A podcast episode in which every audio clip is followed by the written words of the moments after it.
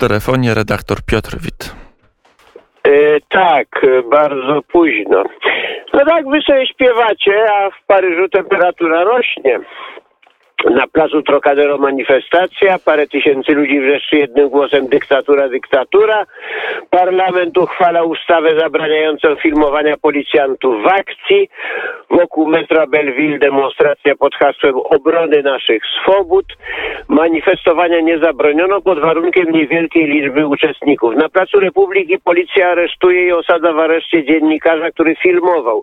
Przed Teatrem Châtelet obok Centralnej Komedii, y, Komendy Policji kilkadziesiąt osób defiluje rzucając kilka rac i skandując wszyscy nienawidzą izolacji. Gdzie indziej manifestują restauratorzy i sklepikarze. Nastrój powszechnego rozdygotania udziela się najspokojniejszym. 24-letnia fryzjerka i 35-letni restaurator popełnili w tych dniach samobójstwo.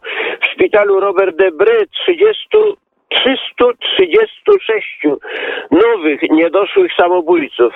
Aptekarka z ulicy Lekurcz sprzedaje codziennie dwa razy więcej środków uspokajających niż zwykle. A ja się nie dam, nie będę łykał pigułek, od których traci się pamięć. Wolę zabiegi nieszkodliwe.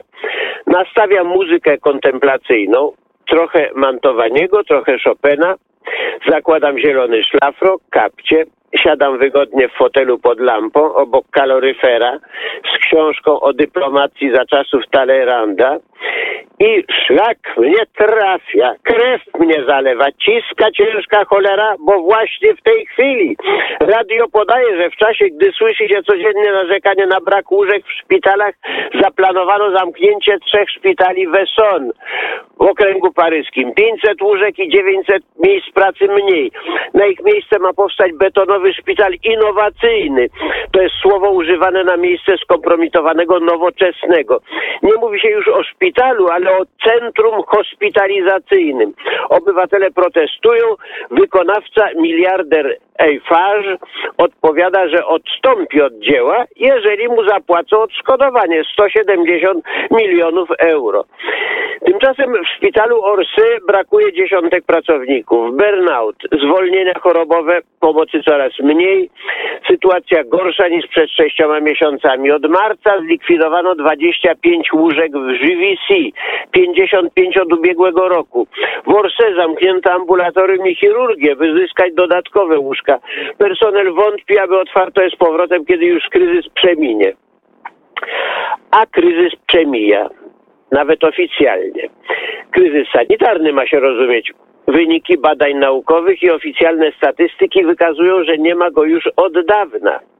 Według profesora Didiera Ulta, którego szpital uniwersytecki w Marsylii zbiera dane, codziennie szczyt drugiego aktu epidemii przypadł na tydzień między 19 a 26 października.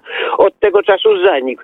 Nie stwierdzono, aby zamknięcie restauracji zapobiegło pierwszemu aktowi epidemii. Przeciwnie, według danych szpitalnych wzrosło spektakularnie po zamknięciu. To samo wykazują dane pogotowia ratunkowego.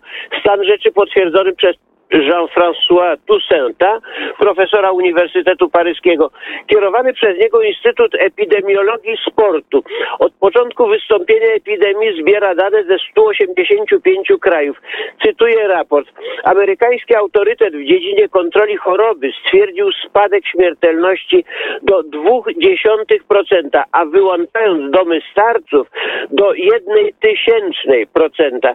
Poza stwierdzeniem końca epidemii badania porównawcze profesora Tusenta dostarczyły interesujących wniosków ogólnych. Najbardziej dotknięte zostały kraje najbogatsze. Francja, Wielka Brytania, Stany Zjednoczone, Włochy. Najmniej szkód wirus wyrządził w krajach biednych w Afryce. Co do czynników sprzyjających takiemu stanowi rzeczy. Obaj uczeni są zgodni. Siedzący tryb życia, źródło wszystkich schorzeń, brak ruchu, otyłość. Najbardziej opasłe społeczeństwo świata, Amerykanie, ucierpieli najbardziej. Francuzi również doznali poważnych szkód, osłabieni przez papierosy i alkohol. Profesor Raul dodaje spostrzeżenie wyrażane od początku epidemii. W krajach, gdzie żyje się najdłużej, śmiertelność była bardzo wysoka. Ludzie tam wprawdzie żyją długo, ale od pewnego wieku odporność ich organizmu maleje, stają się wrażliwi na każde zakażenie. Ludność w krajach biednych jest zżyta z chorobami, wie jak się przed nimi chronić. Bogaci są bezbronni. Rzecz interesująca, inna statystyka, do której udało mi się dotrzeć, wykazuje, że epidemia nie wpłynęła na mycie rąk we Francji. Jak nie myli, tak nie myją, chociaż wszyscy chodzą w maseczkach, jak się je w Polsce pieszczotliwie nazywa. Zanik epidemii potwierdzają także badania dr Aleksandry Henrion Code, dyrektorki badań Krajowego Instytutu Nauk w szpitalu Neckera w Paryżu. Pediatra, laureatka innymi amerykańskiej nagrody Eisenhower Fellow za badania nad chorobami genetycznymi jest przeciwniczką izolacji, jest przeciwniczką przesady z maską i uważa wiele liczb za wymyślonych. Ale uczeni mają swoje obliczenia, a politycy swoje. Czy wiecie, czym jest COVID-19? Wydał Olivier Véran i minister zdrowia wyjaśnił. COVID to jest jeden chory co dwie sekundy, jedna hospitalizacja co 30 sekund, jeden zgon co 4 minuty. Prócz uczonych i polityków są jeszcze internauci, obywatele myślący i krytyczni.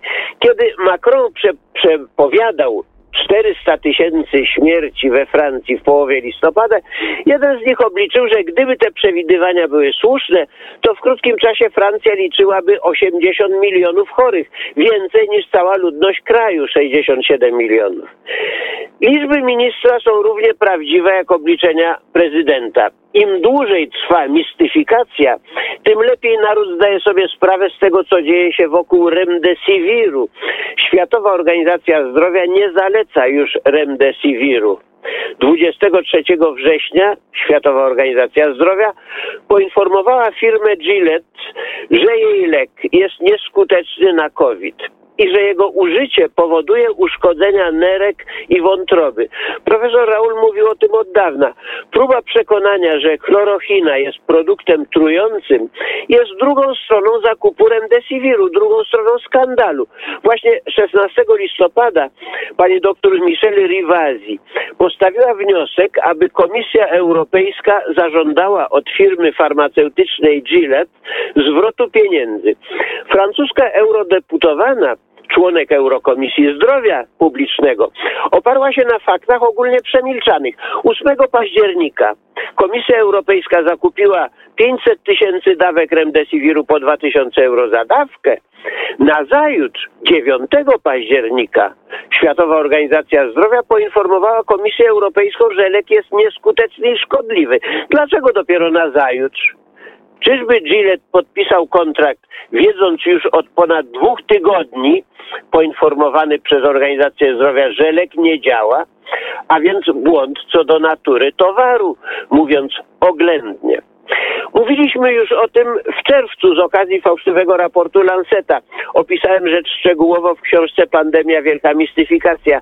Słuchacze, którzy pytają mnie o książkę i utyskują na jej brak w księgarniach i że jest dostępna tylko przez internet w sklepiku wydawcy, mam przyjemność poinformować, że zgodnie z komunikatem wydawcy dziś jeszcze powinna znaleźć się w księgarni Prusa naprzeciwko Uniwersytetu Warszawskiego. No a teraz wracam pod moją lampę do lektury historii dyplomacji za czasów Talleyranda. Jak tu nie zazdrościć paryskiego życia redaktorowi Piotrowi Witowi, bo to jednak jest pewien sznyt. No dobrze, to my życzymy dobrej lektury i do usłyszenia. Dziękuję, do usłyszenia. E, ósma trzy, czas na serwis informacyjny.